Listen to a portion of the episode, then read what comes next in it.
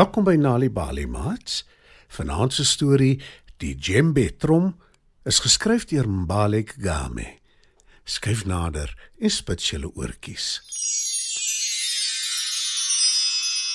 Vanaand se storie gaan oor 'n boetie en 'n sussie, Fani en Frida, wat saam met hulle pappa op 'n baie klein dorpie bly. Hulle pappa werk in 'n fabriek net buite die dorpie. Hy werk baie hard en baie lang ure. Frida en Fani bly by hulle buurvrou totdat hulle pappa saans na werkhuis toe kom, soms baie laat. Hulle het hulle pappa al baie keer gevra of hulle liewer alleen by hulle eie huis vir hom kan wag totdat hy klaar gewerk het. Maar dan sê pappa Ek sal my te veel oor julle bekommer.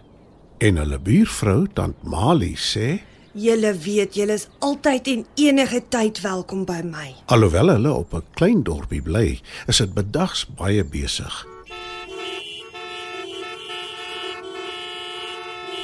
Die paar strate is vol karre en taksies en mense wat gesels en produkte in stalletjies op straat verkoop. Maar saans is dit 'n heeltemal ander storie. Want dan is almal in hulle huise en dis stil en rustig op die dorpie. Frida en Fani lê gewoonlik in slaap in tant Mali se sitkamer wanneer hulle wag dat hulle pappa moet huis toe kom van die werk af, of liewer hulle pappa en tant Mali dink hulle slaap. Wat hulle eintlik doen, is om saggies met mekaar te gesels en te luister na die naggeluide. Partykeer hoor hulle krapgeluide en wonder wat dit is. Ek dink dis 'n luiperd of dalk 'n leeu wat aan die deur krap. Hy wil inkom en ons opeet. sê Frida in 'n bewerige stem. Nee man, dis net tant Malie se kat wat meise soek om te vang.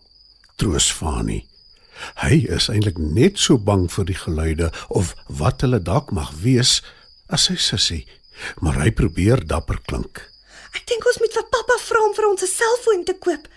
Dan kan ons hom bel as ons bang is. Stel Frida voor. Ek is nie bang nie, maar 'n selfoon is 'n goeie idee. Antwoord Fani en voeg by: Dan kan ons dalk alleen in ons eie huis bly wanneer pappa by die werk is. Frida se oë rek groot.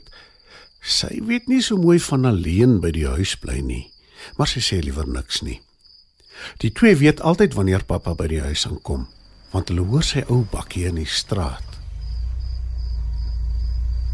Hulle wag totdat hy stilhou en dan maak hulle asof hulle nou net wakker geword het. Hulle rol vinnig hulle rugsakke op en teen die tyd dat tant Mali in haar sitkamer kom, is hulle al reg om te gaan. Naand Mali. Het die kinders jou moeilikheid gegee? sê pappa elke aand wanneer tant Mali die deur oopmaak. En haar antwoord is ook altyd dieselfde. Glad nie. Hulle was stroopsoet. En vanaand is dieselfde. Pappa bedank tant Mali en hy en Frida en Fani stap na hulle huis toe. En daar aangekom, neem Frida haar kans waar en vra: Pappa, kan ek en Fani asseblief 'n selfoon kry? Om wat mee te maak? "Wil pappa weet?" En Frida verduidelik. Dan kan ons pappa altyd in die hande kry as dit nodig is. Wanneer ek by die werk is, bly julle by tant Mali. Julle kan haar enigiets vra. Antwoord pappa. Frida kyk hulpsoekend na Fani en hy sê: Ons kan ook na musiek luister op 'n selfoon. "Maar pappa se enigste antwoord is Bring asseblief vir my 'n glas water. Frida en Fani stap teleurgesteld kombuis toe om nie water te kry. Pappa het seker nie geld om vir ons 'n selfoon te koop nie. Sê Frida. Al werk hy hoe hard, dis baie erg. Stem Fani saam. Die volgende aand toe pappa terugkom huis toe, vat hy 'n hele ruk voordat hy aan tant Mali se deur kom klop om die kinders te kom haal.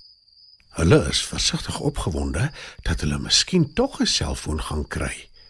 Maar toe hulle in hulle sitkamer kom, sien hulle net 'n vreemde ding op die tafel staan. Dis van hout gemaak en bo-op is 'n vel gespan. Pappa glimlag en sê: Ek sien julle kyk na 'n djembe trom. Wat is 'n djembe trom, pappa? "Wil Frida weet?" Wel, julle het gesê julle wil na musiek luister nie waar nie? sê pappa. Frida en Fani knik hulle koppe en pappa sê: Wel, 'n djembe trom is 'n musiekinstrument. 'n tradisionele slaginstrument. Julle kan julle eie musiek maak daarmee. Frida en Fanny kyk groot oog na mekaar. En toe verduidelik pappa verder. 'n Djembe trom is 'n tradisionele trom wat oorspronklik van Wes-Afrika kom. Soos julle kan sien, is dit gemaak van hout en dis gespan met 'n diervel. Die geluid wat met die trom gemaak word, word met die hand gedoen en dit word dikwels gebruik om te wys dat mense in vrede saam wil lewe. Pappa kyk afwagtend na sy kinders. Toe sê hy teleurgesteld. En ek kan sien julle hou nie baie daarvan nie. Maar dink so daaraan. Lank voordat enige iemand 'n selfoon gehad het, was dit hoe mense met mekaar gekommunikeer het. Bure het natuurlik baie verder van mekaar af gebly. Verskillende ritmes op die djembe trom het verskillende dinge beteken. Daar was baie spesiale klanke om te vertel dat 'n nuwe baba gebore is of dat iemand gaan trou. Mense het ook op die manier vir ander vertel as iemand oorlede is of belangrike byeenkomste aangekondig. Miskien kan ons ons maat so roep as ons ooit 'n partytjie het. Sê Frida dapper. Hulle het nooit partytjies nie, maar sy probeer haar pappa opbeur. Pappa lag en speel verder op die trom. Die kinders luister nou meer aandagtig en hulle begin nou ook opgewonde raak oor pappa se vreemde geskenk. Hulle maak beurte om daarop te speel. En saans wanneer pappa by die huis kom, verwelkom hulle hom met die klanke van die djembe trom. Dit was dan ons Nali Bali storie vir vanaand. Die djembe trom is geskryf deur Mbali Kgame. Die storie is aangebied deur die Nali Bali leesvergenotveldtog in samewerking met SABC Education. "Sjoe, mamma, ek het nog nooit so baie boeke saam gesien nie. Mag ons enige boek leen waarvan ons hou?" Natuurlik, seun. Dis waarvoor openbare biblioteke daar is. Enigiemand kan enige boek uit die leenafdeling uitneem. Enige volwassene kan die gedrag van 'n kind bepaal deur vir hom of haar voor te lees of deur 'n openbare biblioteek te besoek. Vind ook gerus uit hoe Nali Bali jou kan ondersteun om jou eie boekklub te begin by www.nalibali.org/reading club. Nali Bali. Dit begin met 'n storie.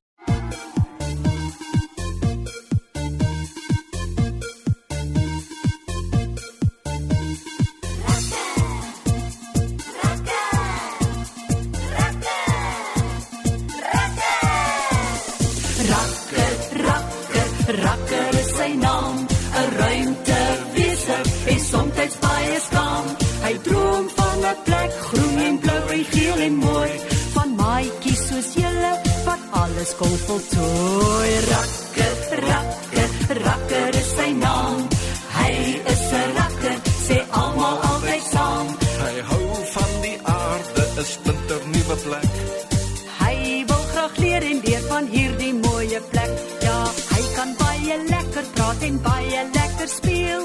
Hy sal heeldag roemuis eet as ons hom nie gaan keer.